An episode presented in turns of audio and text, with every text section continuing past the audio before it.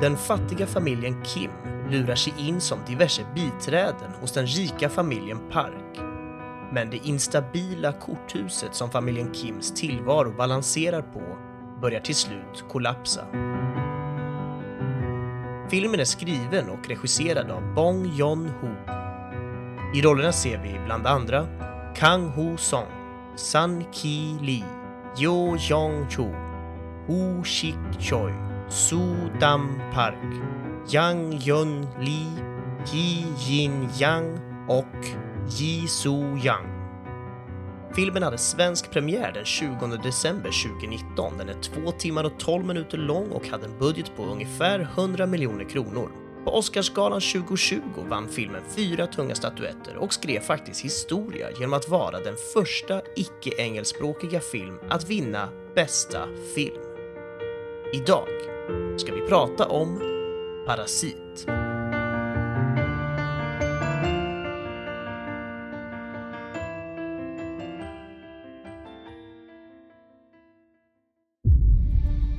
As far back as I can remember, I always wanted to be a gangster. The first rule of Fight Club is you do not talk about Fight Club. Did you eat all this acid? That's right. Music! What is real? How do you define real? Du är en leksak! More people than you think, and more people each day. This is a world getting progressively worse. Can we not agree on that? Det finns bara ett ord för sådana som du. Och det är ondska. English, motherfucker! Do you speak it? I am the danger. Get away from her, you bitch! Are you not entertained? Are you not entertained? Why so serious? Hallå allihopa och välkomna till ett nytt avsnitt av Spoiler alert med mig Joel Keskitalo och eh, rakt från de sydkoreanska kloakerna. Benjamin Gabrielsson, vad sa du ens? Nej, det, jag vet inte vad du pratar om. Dels eh, idag så ska vi snacka om eh, den Oscars-vinnande rullen Parasite, den sydkoreanska. Ja. Som eh, du valde. Parasit, som den också och, heter. Parasit ja, kan man också säga. Och eh, likt en parasit avbröt du ju mig nu, så då kanske du kan berätta spontant. Jag vet inte om parasit funkar det där att säga på det sättet. Men skitsamma, det var du som valde den här jäveln, så Ja. go for it. Jag antar att det hade med Oscars eh, nomineringarna och prisutdelningen att göra. Ja, men det hade det till 100% att göra. Det känns ju som att vi har varit inne i en Oscarsperiod nu ett bra tag och det känns som nice att beta av många av de filmerna helt enkelt. Mm. Så det här känns väl väldigt lägligt att ta den liksom stora, stora vinnaren och skräll, Mm. skrällen liksom. Så att det, det blev så helt enkelt. Ja, på grund av vårt lilla glapp här, because of reasons, som inte vi kommer gå in på här, utan ni får läsa det i våran Facebookgrupp om ni bryr er om sånt. Så var det ju ett tag sen, sen hela Oscars-nomineringen och allt det där var. Ja. Men eh, låt oss säga att vi har fortfarande inte glömt bort de filmerna som nominerades och som vann, så vi kommer nog ett par avsnitt till skulle jag gissa.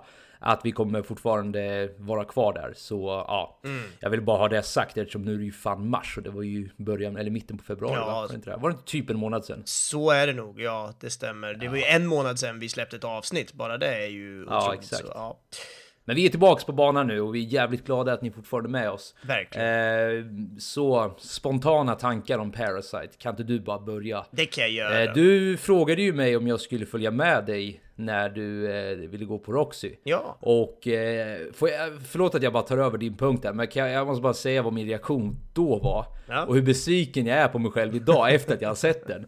För där kommer ju fördomarna in såklart. Jag såg bara sydkoreansk och jag tänkte spontant att nej, jag pallar typ inte det just nu. Jag är inte sugen på, du vet, så jag har andra saker att göra, bla bla bla. Och jag hade inte hört någonting om den, vilket gjorde så här att ja, jag har varken en positiv eller en negativ bild. Jag bara vet inte vad jag ger mig in på här nu.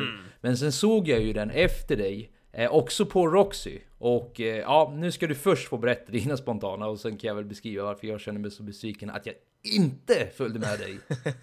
Ja, men exakt. Den gången du inte följde med mig, det var ju riktigt länge sedan. Det, här, det var ju faktiskt liksom innan Oscars nomineringar och innan, ja, kanske inte nomineringar, men det var långt innan galan i alla fall. Och det var innan Ja. den blev så jävla hypad som den har blivit nu. Precis. Så, vilket var en fördel för mig då, för det gjorde att jag hade ju liksom rimligt höga förväntningar. Inte sådär orimligt höga som jag kan tänka mig att folk har idag när man, när man har hört så mycket om att du vet, åh den vann de största priserna och det första utländska film, bla bla bla. Alltså du vet så här, man, man tror att det här eh, kommer vara det sjukaste man någonsin sett. Då tror jag att den kanske har svårare att nå upp till den hypen som, som, som är Ja, ja, så är det ju definitivt. hur bra man än kan tycka att den är såklart. Men, men för mig då när jag gick och såg den där på Roxy så var det mest bara, ah, det, här, det här kommer nog bli en ganska hyllad Mm. eh, sydkoreansk film. Det, det liksom, vi får väl se vad, vad den tar med. Så därför så var det ju en helt jävla otroligt Ja. fantastisk upplevelse. Jag gillar den, ja jävla mycket helt enkelt. Det var ju verkligen över förväntan. Mm. Ja. Fantastiskt. Och det var ju lite det här jag insåg att jag hade gått miste om sen efter att Ja. jag hade sagt nej till den där grejen. För jag väntade ju flera månader sen med att se den. Alltså ni vet kära lyssnare vad, vad som händer ibland. Man har en tanke med någonting och man säger att man ska fan ta tag i det där jävligt snart. Men sen kommer du, så här, livet hoppar in emellan och typ nej. Listen up. You have fucking routines to do every day och du har inte ett liv så du ska fortsätta göra dina jävla rutiner. Så jag gjorde ju det tills Oscars eh, liksom utnämningen, nomineringarna blev släppta och insåg ju att ja, fan i mig, den är ju med där. Ja. Jävlar, varför sa jag inte bara ja till Benji och hakade på?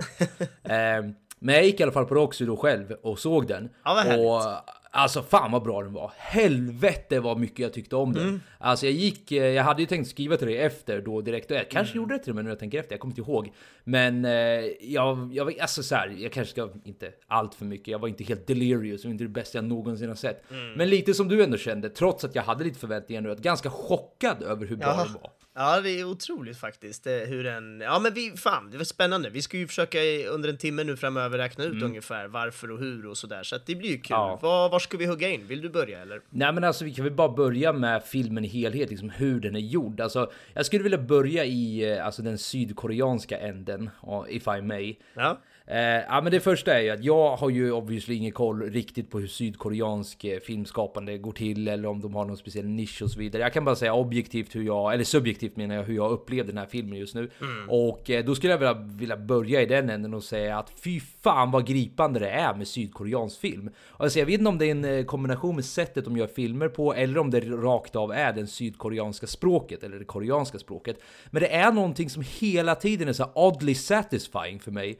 Och eh, jag tror inte att liksom, den är alltså, unik i den bemärkelsen att andra filmer inte kan uppnå samma sorts känsla. Men rakt igenom hela den här filmen så hade jag en känsla av att det var så satisfying allting. Det var liksom sättet de interagerar med varandra och eh, sakerna de sa till varandra och då framförallt också med det koreanska språket som jag tycker är otroligt vackert och är liksom i mitt huvud är det typ lite en blandning mellan kinesiska och japanska. Eller jag, jag känner de har liksom det här lite z, z ljudet som jag associerar att kineser har. Sen har de där lite mer såhär yaka waka äh, så här, watashi watashi, du vet den sortens japanska lite mer eh, konsonantuttal.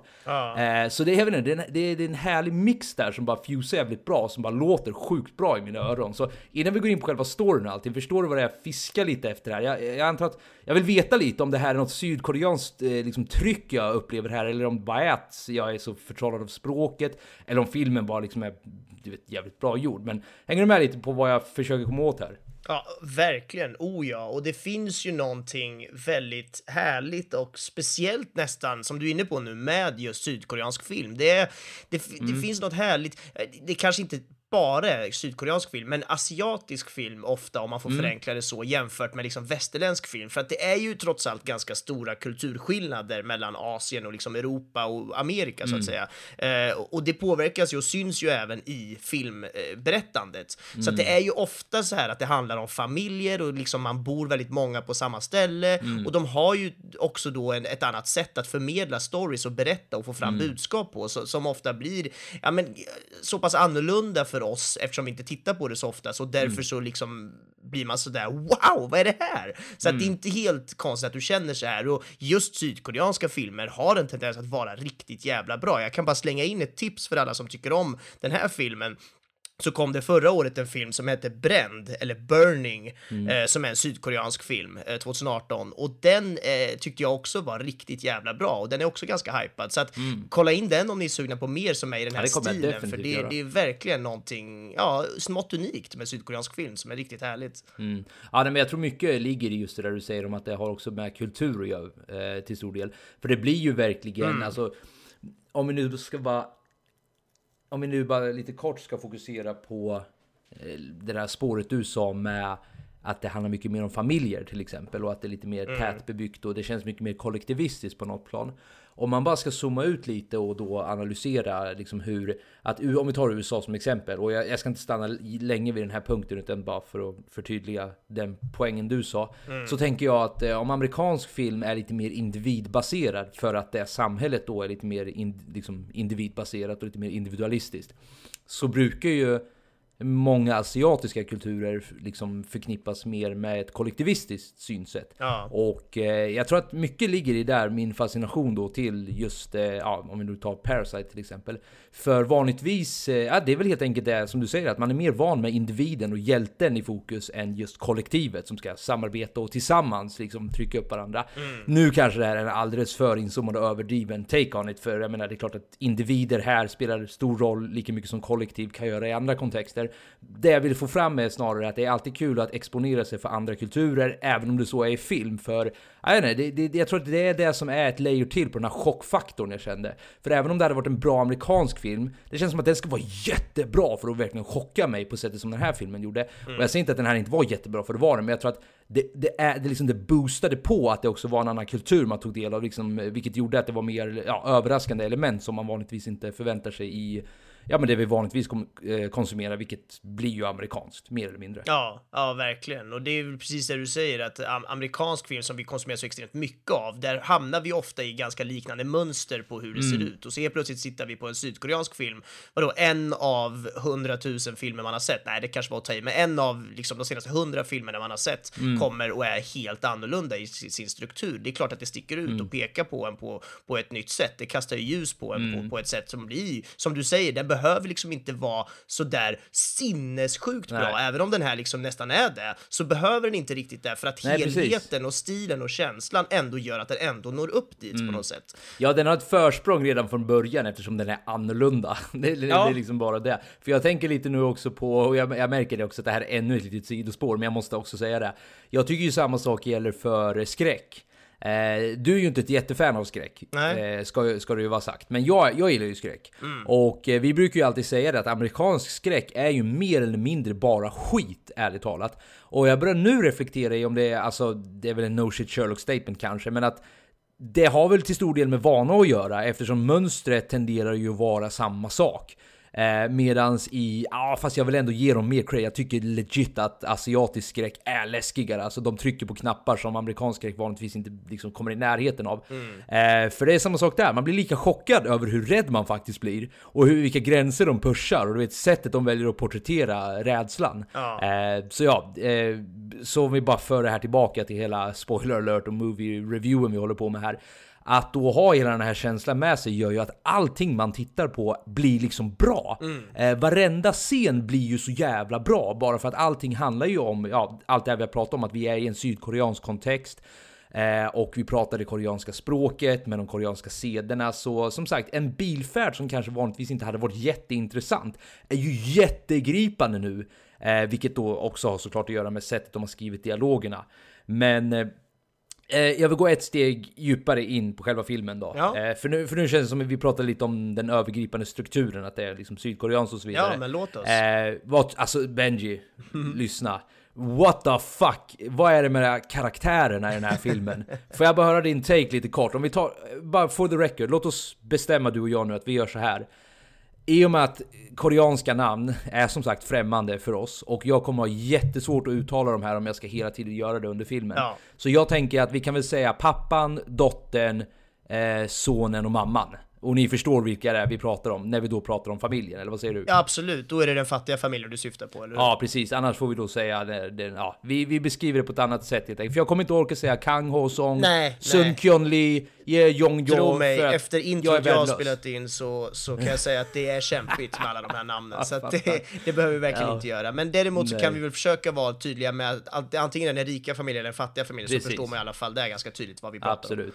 Men Yes. då, så, så då, i och med att jag har fucking pratat to the ends, to end of time nu så låt mig höra Benjamin, vad tycker du om de här karaktärerna vi har i den här fattiga familjen då? Ja, nej men vad, det, det är någonting härligt. Och jag snuddade ju vid det här förut just hur man gärna i asiatiska filmer överlag, går in på djupet Mm. i en familj och får känna kemin som rör sig i den här familjen. Och, och det får man ju verkligen här, hur de är så här nära varandra. De bor ju bokstavligt talat på varandra liksom, och Ja. delar varenda utrymme med varandra. Och det gör ju att de får en extrem kemi här som de lyckas porträttera på ett fantastiskt sätt även i filmen. För det är klart att de inte bor exakt så här på riktigt, det är inte en jävla dokumentär vi kollar på. Så att det, det är ändå fantastiskt hur de har lyckats med det. Och de här, ja, men det är otroligt färgstarka karaktärer som verkligen känns sådär, ja, men härliga att titta på. Det spelar liksom ingen roll, även när de gör brutala saker som man är såhär what the fuck, så kommer jag ändå liksom så här sitta och njuta och bara mm, ge mig mer. Är det är fängslande, minst Ja. sagt. Ja, verkligen. Och det, det är så fascinerande tycker jag är att eh, det känns som att ingen överskuggar den andra heller. Eh, I början tyckte jag det kändes som att sonen skulle bli liksom huvudprotagonisten, att det är han vi skulle få följa. För Mm. återigen, det är ju de de förväntningarna man har efter att man Precis. är en liksom amerikansk, om man nu ska säga att det är den kontexten vi vanligtvis befinner oss i. Mm. Då väntar man ju på att hjälten ska kliva fram. Vem, vem är det som ska bära den här storyn liksom? Okej, här har vi sidokaraktärerna eh, här. Okej, men de, de kommer säkert spela en stor roll, men det där är ändå hjälten så att säga. Jag, ska, jag tyckte inte han var överdrivet mycket hjälte i den här storyn. Nej. Utan jag tyckte att visst, han kanske blev introducerad först. Men, eller om han ens blev det. Jag tror han var en av de första som introducerades först i alla fall. Eh, för även om han då gjorde det, så när de andra väl fick liksom komma in i själva huvuduppdraget då, att nästa sig in hos den här familjen, då tyckte jag att deras kvaliteter sken perfekt igenom. Det blev liksom så jävla kul att se hur alla utförde sina respektive tasks. Eh, och eh, ja, som sagt, alla gjorde det exceptionellt på deras respektive roller, vilket gjorde att ingen stack ju då ut som, ja, vem är mer liksom hjälte i allt det här? Nej, nej. Eh, så jag älskade balansen eh, de hade lyckats få fram mellan karaktärerna. Ja, verkligen. Och om man får dra en parallell då till den andra familjen, den rika familjen, där vi Mm. också har liksom en hel familj. Det är väl lika många. Det är ju två föräldrar och två barn där också. Är det inte Eh, ett barn? Nej, det är ju en liten son Nej, det är ju också. två barn. Förlåt, ja, en liten ju- son och en liten äldre flicka som, är, precis, ja, som ska lära sig engelska och sådär. Men sonen är ju med, med väldigt lite. Men, men Mm. eh, hur som helst så, så har man ju där också Ja, men där blir det ju också väldigt tydligt det här som den här filmen lyfter på så många olika sätt och det är väl de här klasskillnaderna och hur de porträtteras. Mm. Eh, det, det, det, det finns ju otroligt mycket i de här olika karaktärerna, hur, hur de Mm. eh, porträtteras på olika sätt. Men det finns ju också väldigt mycket om, om hur just det fysiska med miljöerna hjälper oss att förstå klasskillnaderna här. Och då Ja, menar verkligen. jag något så enkelt som placeringen av vart de bor. Mm. Att det ena boendet är ju liksom verkligen nere i en källare under Mm. jorden och det andra är liksom en lyxvilla på toppen av staden. Det kan inte bli mer tydligt än så. Och, och, men ändå känns det liksom inte övertydligt heller, utan de har en perfekt balans där. Och de här trapporna som liksom är emellan här och hur, hur, hur de måste gå i de här trapporna, till exempel när de ska ner där i det här spöregnet och den vägen de får ta där med alla trappor och allt det. Det blir så jävla ja, men sy- symbolistiskt och tydligt om hur klasskillnaderna är och liksom där nere så får de bara ta det här regnet och skiten och allting Ja. och liksom hela lägenheten bara förstörs medan där uppe så har de inte ens märkt någonting. Sonen tältar och de ligger liksom på soffan och har det mysigt. Så att det, ja, men det, det är så- mycket där i de här olika familjerna och hur de karaktärerna och allting porträtteras. Även hur positioneringen på liksom vart de bor och allting som verkligen hjälper oss att förstå det här med klasskillnaderna. Och klasskillnader är väl verkligen ett starkt tema i, i den här filmen. Eller vad tänker du om Ja. hela den grejen? Jo, jo, men absolut. Det är ju den eh, liksom övergripande tråden, om man ska säga. Även om den inte är alltså uttalad Ja. så är det här en, eh, en class struggle. Alltså givetvis. Det, och det, det blir så jävla uppenbart också tycker jag. Hur det är mer än bara de materiella liksom, förutsättningarna som kolliderar. Det har också lite med mentaliteten att göra. Ja. Eh, man ser tycker jag hos de fattigare typerna, och det här har faktiskt varit någonting eh, som jag alltid har tänkt om människor som tvingas leva i mer ja, men ska vi säga utsatta förhållanden. Att eh, sådana typer tenderar att bli mycket mer down to earth. Eh, har du hört talas om Shameless, serien? Ja. Jag har inte sett Ja, den, det är en serie som... Eh, nej, den. Men eh, för er kära lyssnare, så det är en serie som också handlar om en väldigt fattig familj i ett getto i Chicago någonstans tror jag. Ja, det. Och eh, det som, eh, det som eh, liksom är genomgripande i den filmen är att alla är så jävla down to earth. Mm. Och alla är så jäkla, du vet, vi gör vad vi måste för att överleva. Mm. Och jag menar, det är ju den attityden som fostras när man tvingas leva efter nästa paycheck för att då vi inte ens vet ifall man har råd med hyran eller Ja, inte. ja. Och jag menar, jag tycker man ser det i clashen här, när, varför de då kan utnyttja dem så jäkla enkelt. För de lever ju verkligen i en idealistisk rikemansbubbla. Och förstår inte, eller vi vet ju inte mer än vad filmen, den informationen som filmen har gett oss. Det kan ju vara så att de är, de kanske har kommit från tidigare förhållanden, eh, fattiga förhållanden. Men jag får intrycket av att de lever i sin egna rikemansbubbla. De har inte jättebra koll på hur det ser ut liksom, i de fattigare områdena. Och de är jävligt naiva på grund av det, ärligt talat. För det är ju det som händer. De blir ju extremt utnyttjade. Eh, alltså det, och det är ju en sån moralisk förbrytelse att man blir, man blir chockad över hur cyniskt det är. Men det är ju för att de inte har den attityden. De har ju liksom aldrig behövt kämpa. Det, återigen, tolkningen jag då gör är ju att de inte har fått behövt kämpa på det sättet som den fattiga familjen har behövt göra.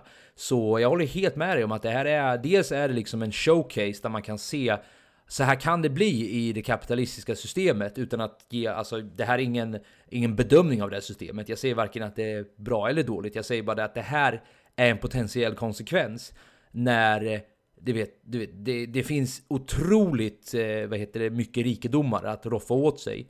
Men det är också en begränsad eh, paj som inte fördelas på det sättet som ja, lika jämlikt som man kanske hade önskat. Utan sanningen är att det skapar väldigt rika människor. Det gör det. Och väl, det skapar en medelklass som heller inte är de allra rikaste, utan de som lever jävligt gött bara. Men sen är den bistra sanningen att det finns en otrolig underklass också. Vi pratar inte bara i Sydkorea, utan vi pratar liksom worldwide i många områden. Eh, och eh, det glappet är ju oroväckande i och med att man ser ju liksom i den här filmen vilka förhållanden de tvingas leva i. Och jag menar bara ett kvarter eller ett par, eller det kanske är långt, jag vet inte, men det är ju åtminstone i samma stad. Så ser man liksom hur de har det. Och då måste man ju ställa sig frågan, hur fan är det här rimligt på ett plan? Eh, och filmen ställer ju just bara den frågan, den ger oss ju inga svar för vi har ju inte fått sett hela deras livshistoria. Men eh, det är helt klart ett fascinerande liksom showcase för eh, kapitalismen och vad den, kan, eh, vad den kan leda till, vilken sorts attityd det kan frambringa för de som blir förlorarna och vilken sorts naivitet det kan bringa fram för de som blir de så kallade vinnarna. Och om jag bara får slutföra den här ranten med en till poäng. Jag tycker också att det visar på det individualistiska kontra det kollektivistiska draget som Ja. vi började med att prata med. Där jag tycker det syns att de fattiga tenderar att bli mer kollektivistiska för de vet att vi behöver varandra för att överleva. A.k.a. då den kanske asiatiska inställningen som i alla fall tidigare har präglat dem väldigt mycket. Versus då den kapitalistiska och mer individualistiska vägen där du kan roffa åt dig väldigt mycket rikedomar. Men du blir också väldigt distanserad från din egen familj till slut. För jag menar det finns ju en anledning till varför den här rika familjen behöver så många som hjälper till. För de har ju ingen koll på vad de håller de, de, de, kan de har inget familjeliv i den bemärkelsen. Eh, han säger ju till och med yeah, let's call it love. Ja. Eh, jag ska dock säga att stundtals verkar det som att de bryr sig om varandra väldigt mycket och jag, jag vill inte helt slänga dem under mattan. Men, men jag menar bara det att den här gemenskapskänslan som den här fattiga familjen verkar uppvisa, det tror jag är en konsekvens av att de tvingas leva på eh, liksom i slummen som de gör. Ja, verkligen. Och det finns... Eh, en, det, det känns som att man skulle kunna spinna vidare på det här och ha en lång diskussion om just det här med klasskillnader. Men jag kommer välja att ta det You tillbaka. brought it up! Ja, precis. Och det är helt rätt. Och jag drog det också lite ur dig och här fick jag ett härligt svar också. Så att det, det var skäligt. Men jag tänker att jag spinner vidare lite på, på något annat som har med filmen att göra här också. Och Absolut. då tänker jag att eh, det, jag tycker att det är väldigt, väldigt härligt i den här filmen hur den jobbar så mycket med olika plot twist och sådär sjuka vändningar som man dels inte tror kommer, men som dessutom Ja men så slutar de ju aldrig komma. Det är helt otroligt. exakt. Hur många gånger kan de i en sån här, eh, ja men liksom till synes ganska vanlig och enkel film inom citattecken, Mm. vilket visar sig att det inte alls är så här, men hur de då liksom kan få mig att tappa hakan och säga what Ja. the fuck gång på gång på gång.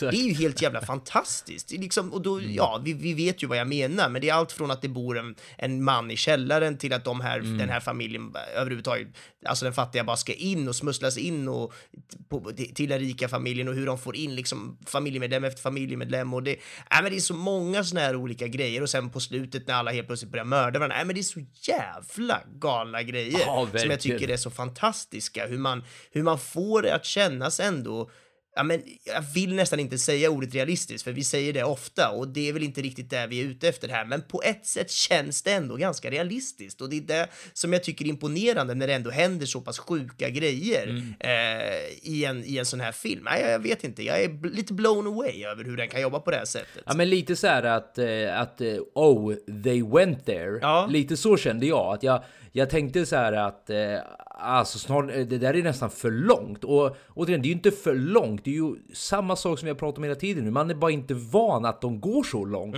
Men man inser att när någon väl gör det så inser man att jo, det går fan att gå så långt. Och när jag säger gå så långt i det här fallet så syftar jag framförallt på scenen i slutet när de börjar stycka ihjäl varandra, mer eller mindre. Eh, Det är för mig, inom citationstecken, att gå för långt när jag tittar på så kallade normala filmer, det vill säga de amerikanska. Men här tycker jag, alltså från när eh, sonen blir, eh, jag kommer inte ihåg hur han blir mördad riktigt, men han blir strypt. Och sen får han väl, kastar han väl typ en sten Det är ju den där mannen i källaren som har lyckats ta sig upp där och håller på. Och, Ja, precis. ja. Alltså jag älskade att de gick så långt. Mm. Eh, just för att det var så jävla oväntat. Alltså, jag, jag trodde jag hade sett allt fram tills dess. För jag tänkte att shit, det här eskalerar ju mer och mer. Men någon gång måste de ju dra i nödbromsen. Men jag tror också att det var det som la till på den här chockfaktorn vi pratade om. Att det hände ju liksom precis i slutet på filmen. Eh, jag satt liksom i, i flera minuter efter, eller jag tror att det är typ 10 minuter kvar av filmen efter den våldsamma scenen. Mm. Men jag satt de 10 minuterna och bara vänta, wait, what? What just happened? Alltså va? Hände verkligen det där? Det var ju extremt ju. Ja. Men som sagt, jag kände inte att det var extremt på typ så här killing of a sacred deer nivå. där det var typ så här, ja, jag vet inte ens... Alltså jag vet inte ens... ehm, vad, vad hände? Alltså, inte så här förvirrad extrem. Utan eh, härligt extrem. Ja. If that makes sense. Ja, men det, exakt, och det, det känns ju som att till och med efter den här liksom slutetappen med alla morden och det blodiga och allting, där man på något sätt börjar andas ut och där du sitter där och känner det här med att oh shit, they went there och what the fuck och liksom hela den grejen. Ändå då så får vi någon så extra liten twist på slutet där farsan då har gått ner och Ja, gömt sig i källaren och bor där och du vet, och, och det slutar med att sonen måste på något sätt jobba sig upp och köpa tillbaka huset och det är morsekod med de där lamporna och bla bla bla. Och det var bara så här wow, ni lyckades. Efter ni har chockat mig så mycket att jag inte ens kan bli- fysiskt bli chockad mer. Det går liksom inte. Min haka är redan nere på mattan. Ändå lyckas ni på en, ett litet varv till då få mig att känna sådär. Nej, jag är fan imponerad och det är Bong Joon-Ho där som har regisserat och skrivit det här då tillsammans med en snubbe till. Men det, ja, det är fantastiskt jävla manus. Otroligt. Du, jag ska ge dig ännu en twist Ja. som jag, eh, alltså som, som, som jag hade exakt samma känsla som dig, men liksom, alltså ända in mot slutet så gick de den vägen. Ja. Och det var ju när man fick se eh, sonens drömmar om vad som skulle hända. Det vill säga att han skulle fixa sig en utbildning, han skulle bli rik, han skulle Ja, köpa upp huset och han skulle eh, rädda sin farsa. Ja. Eh, jag trodde ju för ett ögonblick, alltså det är så jävla kul det här för, okej jag ska försöka förklara det här bra. Jag trodde ju att eh, det höll på att hända, alltså på riktigt, att man fick se Mm. Ja, en fast forward av att De berättar ju på det sättet liksom. Exakt, och, och jag tänkte så här. Eh, bara ni avslutar nu, alltså jag, jag vill inte se en reunion mellan han och farsan. Eh, för jag tänkte, alltså, eh, ve, alltså jag hoppas nu att den här filmen vet vart den ska sluta. Så tänkte jag, för jag tänkte att eh, det vore härligare om det bara zonade ut här.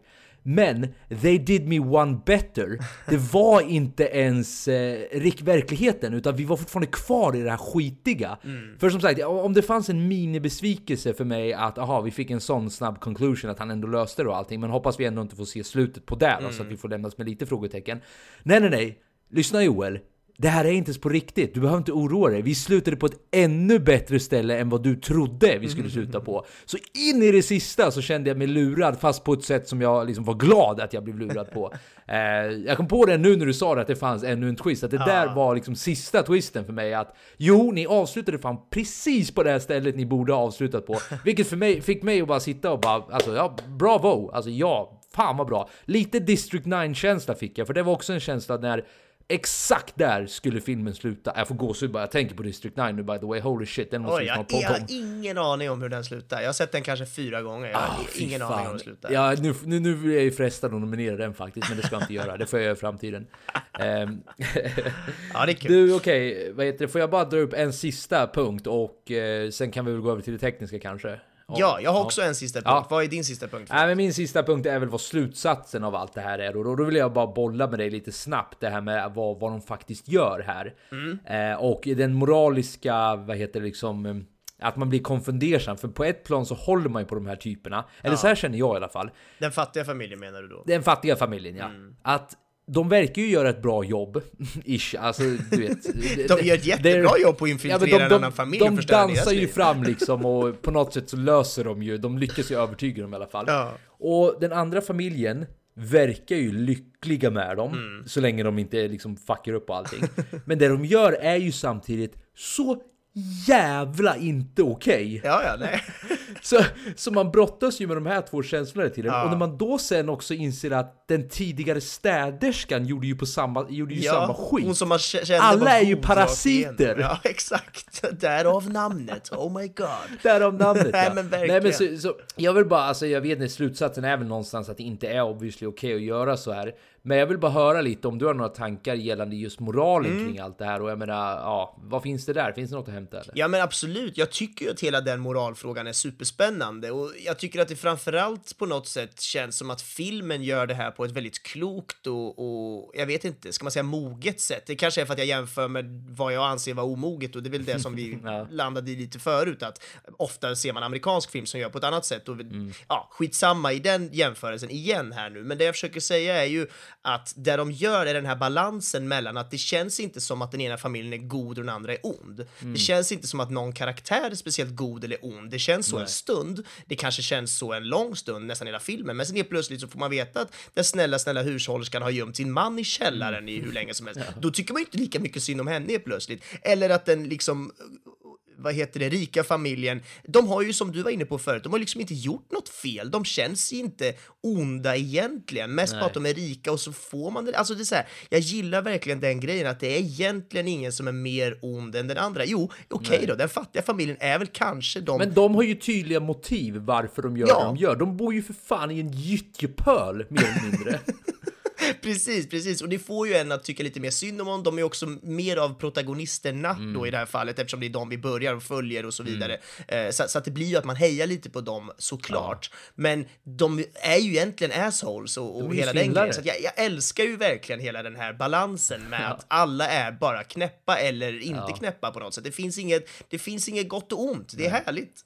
Ja, nej, alltså jag ser det lite som eh, nu. Nu kom jag precis på en tanke medan du sa det här och den är inte riktigt färdigtänkt. Så bear with me här kära lyssnare. Men jag känner lite att det är liksom Parasite åt båda riktningarna lite. Jag känner att det är Parasite äh, från de fattiga mot de rika då av deras ekonomiska och materiella resurser. Medans det är mer Parasite från de, från de rika till de fattiga på deras emotionella resurser. Och det, det jag bygger det på är ju då att den rika familjen saknar den där familjegnistan som den fattiga familjen verkar ha. Och man får ju se då hur mycket de verkar hjälpa dem på det planet. Jag menar, dottern blir ju kär i honom, sonen blir mer disciplinerad och verkar vara lyckligare. De två börjar ha sex med varandra. Som sagt, jag vet inte om de kanske har haft det regelbundet, men jag, jag tolkar det som att de verkade bli väldigt lyckliga vid att ha dem omkring sig. Och han, du vet, han, eh, vet det, farsan, eh, den rika farsan skojade ju med den fattiga farsan i, Ja, i taxin och de bara hade det gött. Så jag ser det lite som att eh, nu gjorde de kanske det omedvetet, det vill säga den rika familjen, men eh, Parasite åt båda riktningarna. Att alla parasi, eh, liksom parasiterar, parasiterar kan man säga? Jag vet inte, det är underbart. Jag satt själv och tänkte på det för en liten stund sedan. Ja, eller hur? det, vi säger det. Vi säger så, ni, ni förstår vad jag menar, Ja, ja. parasiterar eh, på varandra eftersom båda har olika saker eh, liksom, att bidra med. Eh, som sagt, inte en färdig tänkt tanke, men fundera på det ni, kära lyssnare. Ja, verkligen. Mm. Då, sista punkten jag hade då är ju det här Mm. med, med, bara som vi snabbt kan nämna, det är väl det här med humorn som hela tiden ligger på i den här filmen. Ja. Alltså den konstanta undertonen av glimten i ögat på något Mm. sätt, både i repliker men även i det som sker då. Och det är ju så extremt härlig blandning Mm. mellan den här seriositeten, lekfullheten och, och ren skär jävla humor som jag Ja. tycker görs på, på ett ja, jävla bra välbalanserat sätt. Vad tänker du om den grejen? Ja, det är fantastiskt. Alltså, det, här på, det här påminner mig så jävla mycket om South Park eh, stundtals. alltså, det kanske låter eh, som en eh, dålig, långsökt jämförelse, men anledningen är för att de har också en sån här ganska cynisk, ganska mörk och ganska ja ganska, ja men eh, fucked up humor, let's be honest. Alltså man sitter ju och rågarvar åt hur den fattiga familjen sitter hemma i deras jävla källare och läser upp för varandra Ja. hur, de ska, hur de ska svindla den här rika familjen så bra som möjligt. Så han typ säger Farsan, du måste prata mer från magen, tryck mer från centret. Och han bara okej en gång till då, en gång till då. Och alla är helt taggade, alla ska göra det här liksom, alla är helt fokuserade. Och som du säger, den här undertonen är med hela tiden. Det är ju samma sak när eh, den, Jag kan inte ens säga det. Men den där... Jag bara ser den fattiga pappans ansikte framför mig när han framar den där, den där uh, hushållerskan. Ja. Han typ, var är hon? Ah shit. Och jag misstänkte det hela tiden. Så och sen, bara, och sen, sen när, de, när de eh, förgiftar henne med, vad fan är det hon är allergisk Persika. mot? Persika. Ja. precis. Och han häller ner någon jävla röd, så här, eh, någonting som får det att framstå som typ, att, ja. exakt sås. Och sen, sen tar han fram pappret från papperskorgen och bara tittar på mamman, den rika mamman och bara skakar på huvudet. Och de har ju följt med hela den här processen med så här Precis. dramatisk musik i bakgrunden. Så ja, ni hör ju. Ja. Fan, jag håller helt med dig. Så jävla rolig film. Ja, det är klockrent. Jag älskar verkligen hur man kan få någonting som är så mörkt och, och liksom dystert, så vi pratar om klasskillnader och rika och fattiga och mord Ja. och allting, och ändå så skrattar man liksom stora delar av filmen, ända till slutet Ja, på något sätt. ja, men verkligen ända till slutet. Till och med när scenerna är så mörka. Till Ja. exempel när den här eh, tidigare hushållerskan då har befriat sin man och de, Ja. de, de, sitter och filmar dem. Alltså hon, hon har gått från att vara värsta fina gumman som typ Please can you let me be here? Till att hålla en telefon i kamera eller en telefon i handen och bara Shut the fuck up bitch! Och bara nu låtsas som att hon är Nordkoreas diktator och bara du vet såhär, vi har atomknappen här. Helt bisarrt. Så ja, till och med i en sån scen där det är så här shit Shit has really hit the fan, det är riktigt illa det här. Till och med då är det bara riktigt jävla roligt samtidigt. Ehm, Ja. ja, ja, vad kul att du tog upp det. Alltså bokstavligt talat riktigt roligt att du tog upp humorn. Ja, För nu, nu börjar jag ju tänka på att, eh, ja den var ju... Jag tänker inte ta upp fler exempel. You guys get the picture. Ja. Men eh, jag tror att det är en, en punkt värd att betona att eh, det hör nog till, eh, för jag märker att du har flera gånger nämnt eh, ordet balans i den här podden. Mm. Att den här filmen är ju väldigt balanserad på väldigt många olika plan. Och eh, här tror jag vi är på samma plan, att den är väldigt balanserad när det kommer till humor versus eh, typ tragedi. Eh, ja, men jag kanske kan slänga in det lite som en sista spaning bara. Att, för jag bygger på din poäng här lite. Att trots att den är väldigt rolig som sagt så Tragedin tycker jag är väldigt vackert porträtterad den också. Och eh, då vill jag bara snabbt lyfta upp scenen när de först, den fattiga familjen har konfronterat den här tidigare hushållerskan och hennes man som då bor nere i liksom, källaren.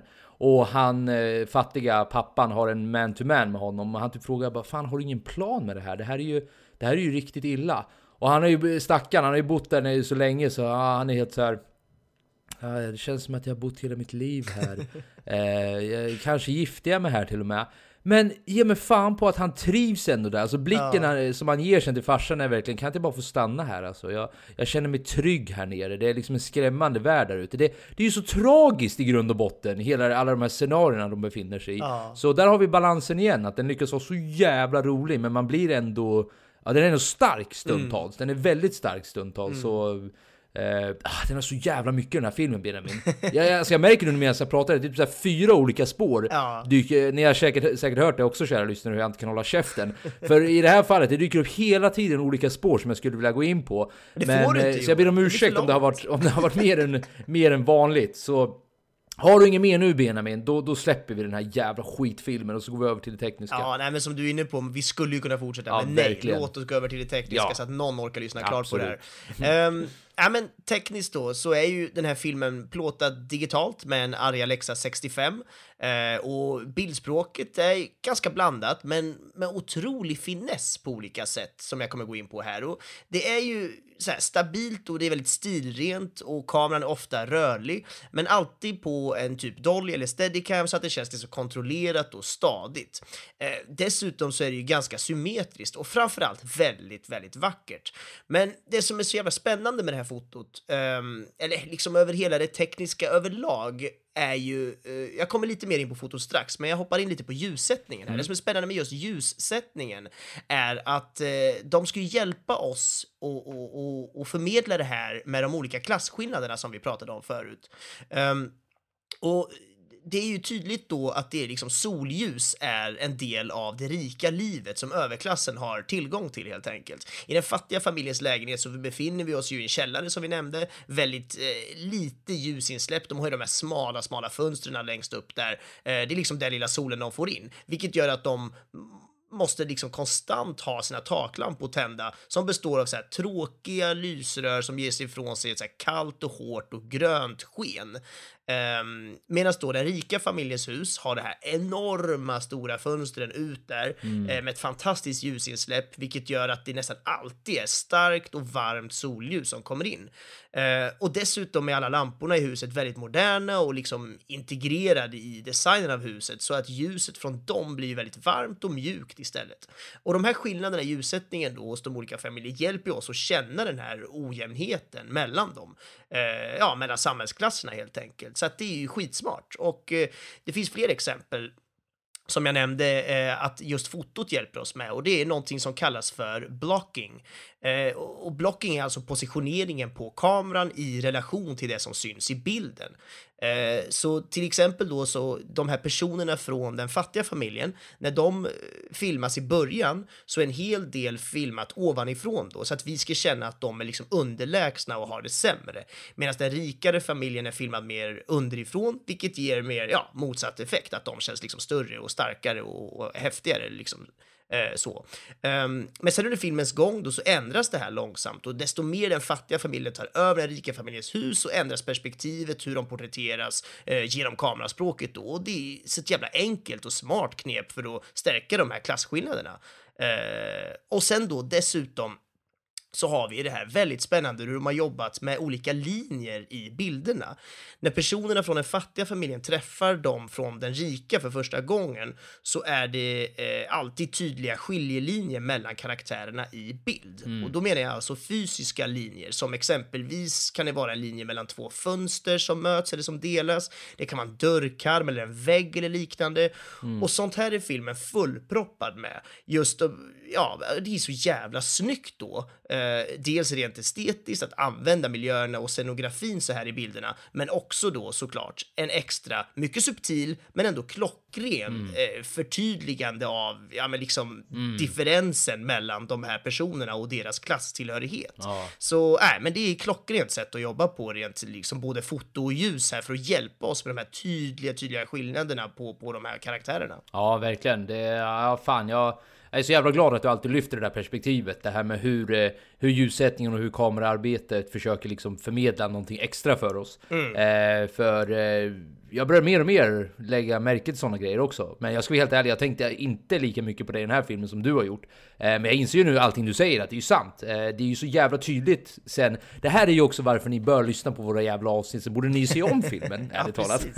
Eller så spårar ni bara fram till den tekniska biten och så ignorera allting som Joel säger och bara lyssna på när Benjamin pekar ut de här grejerna.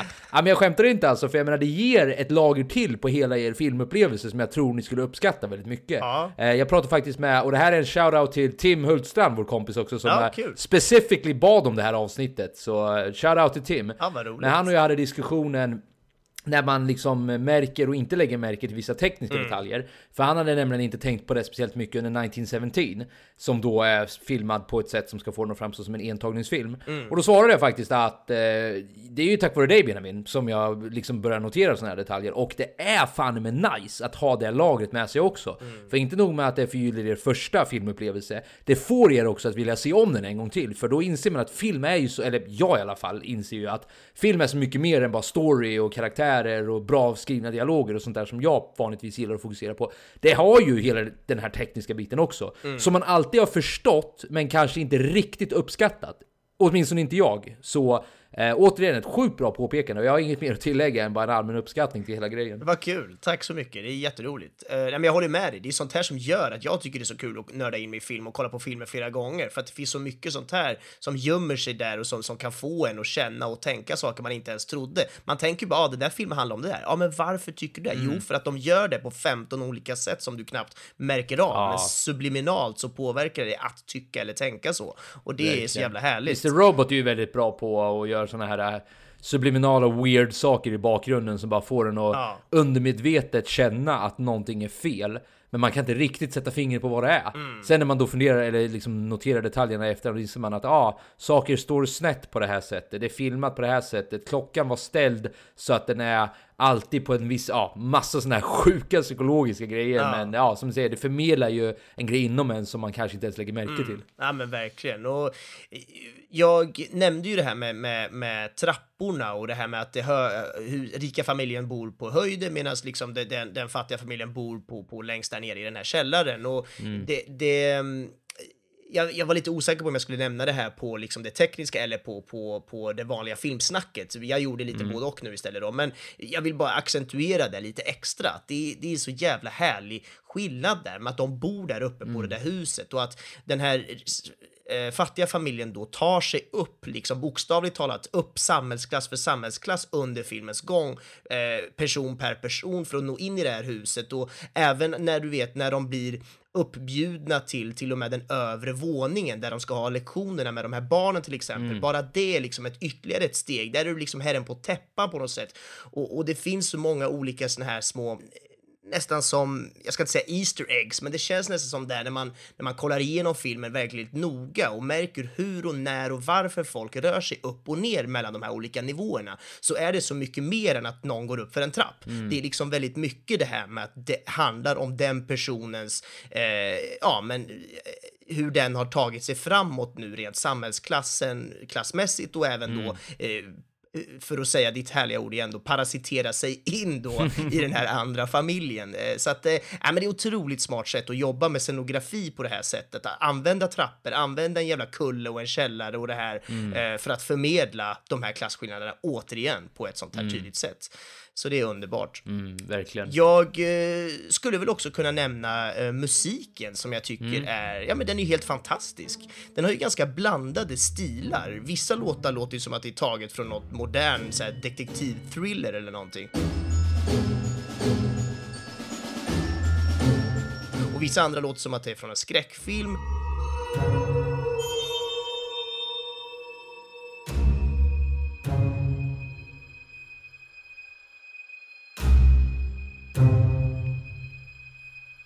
Och en del låter som att det är ja, men mästerliga jävla symfoniorkesterstycken mm. basically. Och det är ju en snubbe som har gjort den här musiken, mm. Yang Jae Il. Vi ska inte hålla på med sydkoreanska namn, men jag tänker jag slänger ur det i alla fall. det är en utmaning. Verkligen.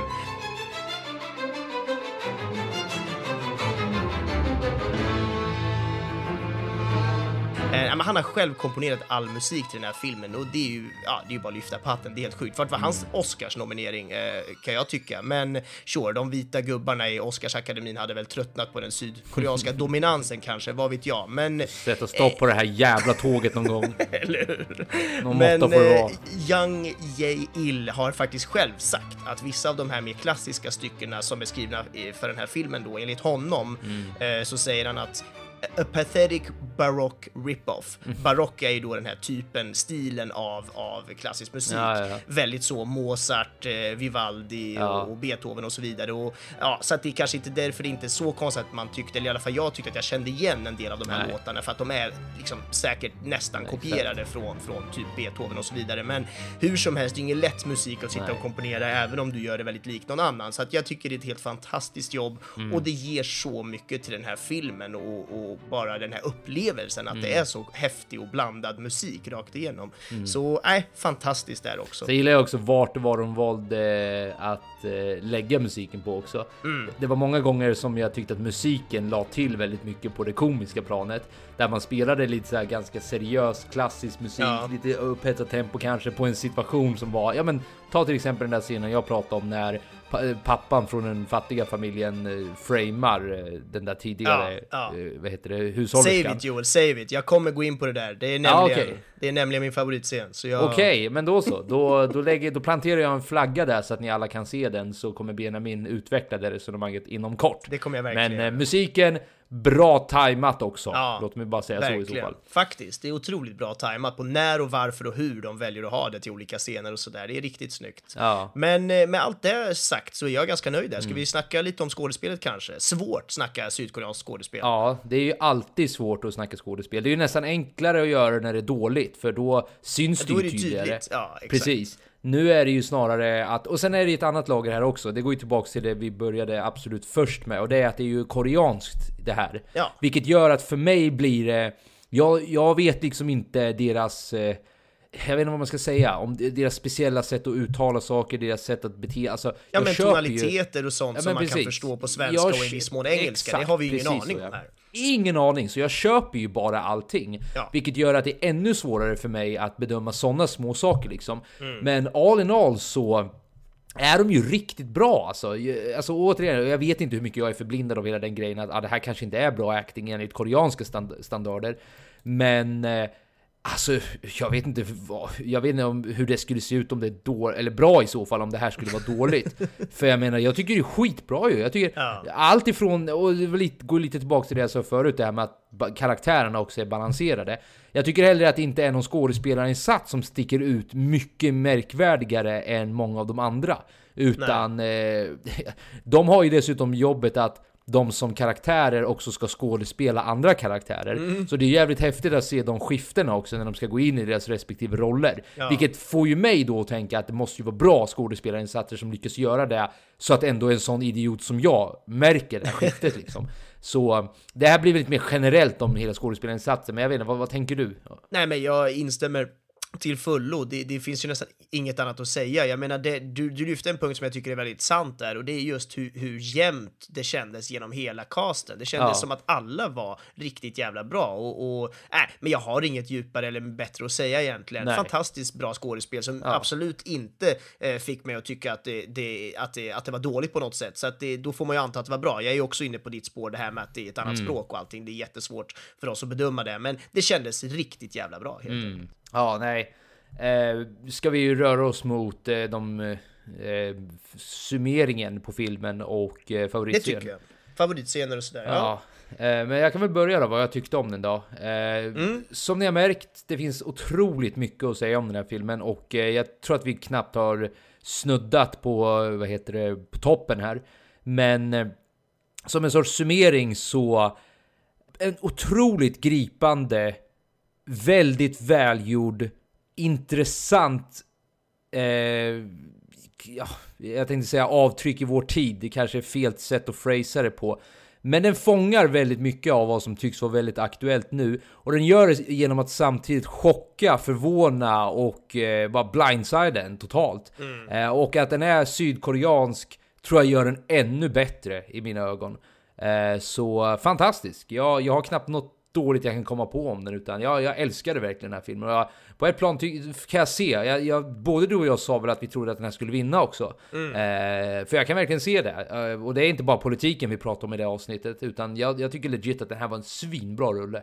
Ja, nej, fantastiskt, otroligt. Jag, jag skulle kunna också sitta här och, och bara kasta olika superlativ över den och, och säga olika saker och så. Det, det, jag vet inte riktigt vad jag skulle säga. Helt jävla fantastisk upplevelse framför allt. Jag tycker det var så häftigt hur en film, ja men det är som att, det är som att en film tar mig som person, lägger in mig i en lite sån här, du vet, snöbollslykta, skakar mig, du vet, så att snöflingor Ja, och allting bara rörs runt. Och sen så ska jag sitta där inne och bara wow, what just happened? Så känns det typ eh, i mitt huvud Ja. När, efter jag har sett en sån här film. Så att nej, det är ju bara hatten av, applåder. Jag vill se mer. Mm. Bong Joon-Ho, kan han bara fortsätta och göra film nu för resten av hans liv? Ja men verkligen. Ja och jag blir ju framförallt också sugen på den där första du rekommenderar. Vad var det den hette nu igen? Burning, eller eh, Bränd Burning. på svenska, 2018. Det är ju visserligen inte han som har gjort den, men det är en annan sydkoreansk film i alla fall som jag tycker är Ja, jo, jätte- exakt, jättebra. jag, jag förstod det, men jag, jag kommer nog se den för jag blir Gör det. sugen på det här temat, eller inte, inte temat utan den här filmstilen generellt. Ja, stilen och känslan och språket. Ja, men absolut, se den. Jättesevärd, verkligen. Min favoritscen var när eh, ja, jag nämnde det lite tidigare också, men när den fattiga familjen då hade konfronterat eh, mannen i källaren, Ja. ska vi kalla honom det? Mm, det kan vi göra. Eh, och de, han hade till slut lyckats binda fast honom och farsan till den fattiga familjen satt då där nere i källaren med honom och de började prata med varandra där han säger liksom ja det, jag- det jag sa förut att eh, ja, jag har bott här så länge nu att jag, jag, liksom, jag trivs så pass bra här så snälla Låt mig bara få leva kvar här. Jag vet inte varför, men jag, jag, blev, jag blev tårögd och verkligen så här. Jag tror att där slog det mig i magen verkligen hur, hur, eh, men hur tragiskt somliga har det, ärligt talat. Att, eh, och han verkade ju på, ett plan samtidigt vackert om han nu liksom hade hittat en tillvaro han verkade trivas i. Ja. Men eh, ja, jag vet inte, det var någonting i den scenen som verkligen eh, berörde mig på Eh, på ett sätt som också var oväntat. Men eh, det, det är också frestande att ta någon av de roliga scenerna. För det, det finns åtskilliga. Men jag hoppas att du gör det. Eller att, det gjorde du väl om jag inte minns helt fel. Men den, den filmen var i alla fall, eller den scenen var i alla fall min favoritscen. Ja, kul att du väljer en sån lite starkare scen, för som du är inne på, det är lätt att fastna för de här mer humoristiska eh, scenerna kanske. Ehm, och det gör jag här då, eller snarare en favoritdel har jag valt att säga den här gången. Eh, och det är ju då när de ska bli av med den här hushållerskan och hela det segmentet typ. Och ja, men det, är så här, det, det börjar ju egentligen redan med att pappan till de fattiga ska få bli den här föraren. Eh, och, och, och liksom det, det, det som flätar samman de här scenerna till en längre del eh, som jag nu nämner här nu, det är ju just det här med musiken som hela tiden ligger på. Då är det ett av de här längre, mer klassiska musikstyckena som ligger på med, med, med mycket stråkinstrument och sådär.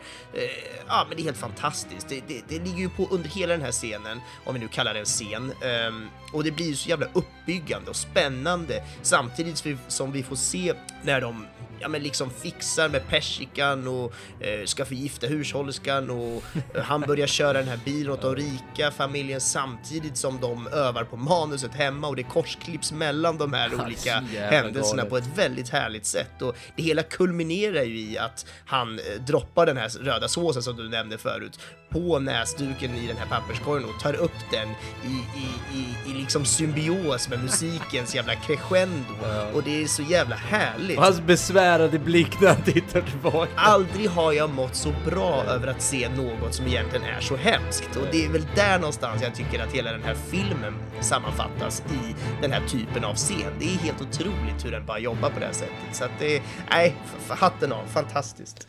Ja, I hear you. Men eh, ska vi gå över till lite roliga fakta då? Som vi... Eh, Ja. Vi har väl mer eller mindre beslutat att jag ska ta alla framöver. Bara för att eh, Ja, men det blir så. du gör ju en hel jävla massa. För, för er som inte vet det så är det Benji som sitter och klipper.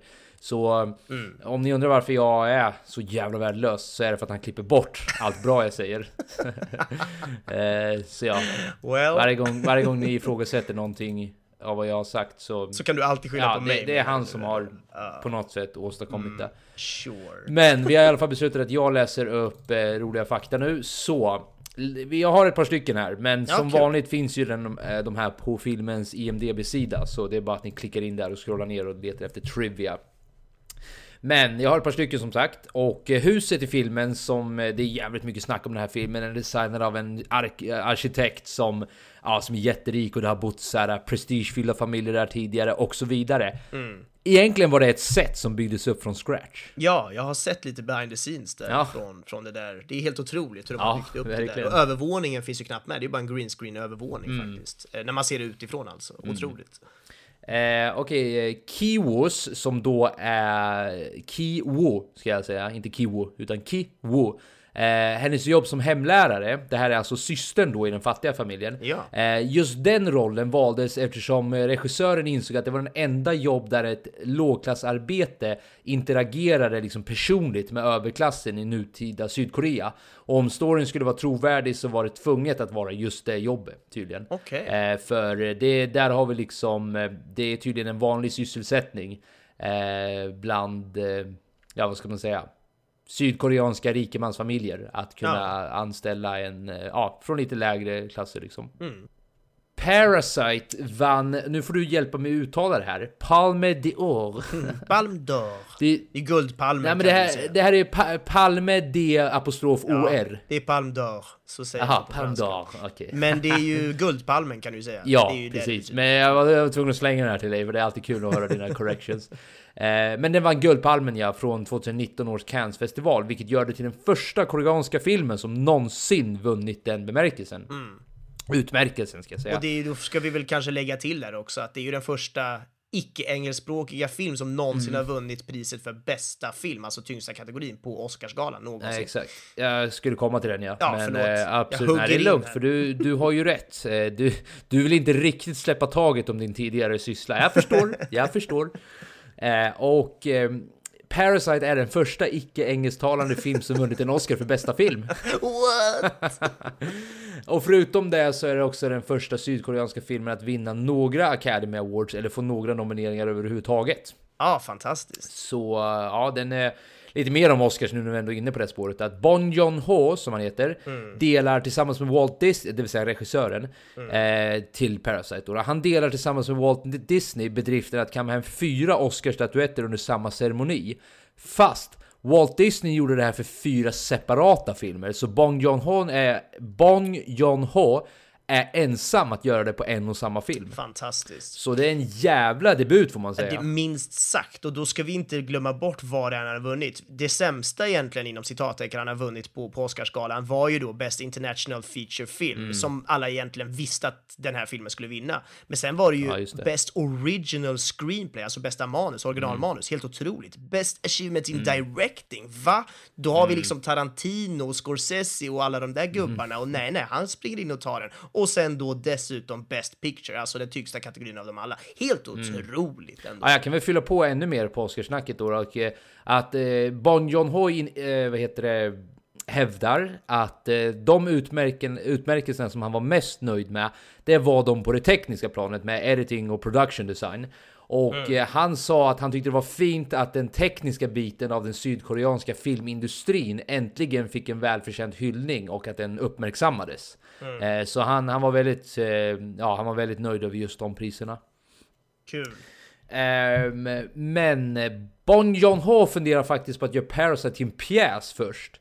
Eh, men efter att han bara skrivit första raden så börjar han redan fundera på hur kamerapositionerna skulle vara för att få, liksom, för att få det här att bli så bra som möjligt. Så, Arbetsskadad. ja, så han insåg nog ganska snabbt att eh, nej, det passar nog bättre om det är en film.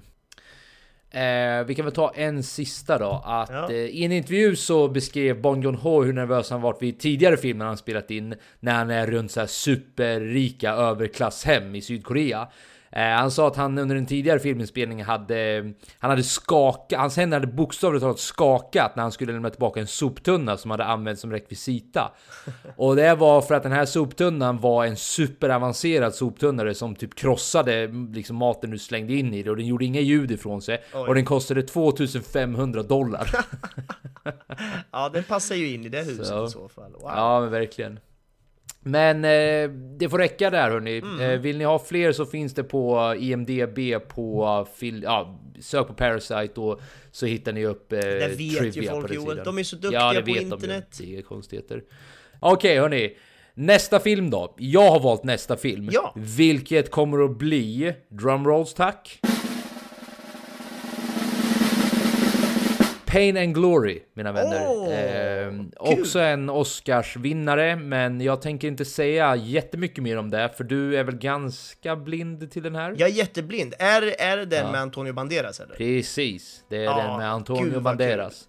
Ja, vad härligt. Det ser eh, fram emot. Pain and Glory från 2019. eh, det är En alltså av de filmerna jag inte hade sett då i de här mer Ja, tyngsta kategorierna som, som den var bland annat nominerad till. Då. Så att det är Exakt. fan vad kul. Det ser jag fram emot. Ja, men verkligen, det ska bli nice. Men eh, då berättar du vart vi finns och sen taggar vi. Ja, men vi finns eh, där poddar finns, alla de här apparna där man lyssnar på, på, på poddar, det där förstår ni också. Men framförallt Facebook, skitbra att följa oss där. Spoiler alert heter vi eh, där och eh, ja, men där lägger vi upp kommande filmer. Vi lägger Ja. även upp typ så här, oj, det blev inget avsnitt den här veckan. Det ska vi i och för sig Ja. försöka få att inte hända igen. Men vettig information, länkar, Ja. klipp, trailers och så vidare. Det är skitbra att följa oss där. Men med det så säger vi tack som fan för att ni, är, ni fortfarande lyssnar på oss. Det är jävligt kul att veta att det finns några där ute som uppskattar det vi gör och eh, like gärna om ni hittar oss någonstans. Det vore jävligt nice. Annars så hörs vi om två veckor igen. Det gör vi. Jag ska flika in en sista grej Joel, Ja, och det är att jag ska absolut. citera den här kära regissören Bong Joon-ho. Ja, lätt. Ehm, som, Då det får här det var, bli outro. Ja men verkligen. Det här var det, det han sa när han vann sin Golden Globe då ett, ett, ett par veckor eller någon månad innan eh, Oscarsgalan där. Men vänta då, sä- säg hej då då så får vi fejda ut med det här. Ha det gött hörni, vi hörs! Ha det bra, hej då! Once you overcome the one inch tall barrier of subtitles, you will be introduced to so many more amazing films.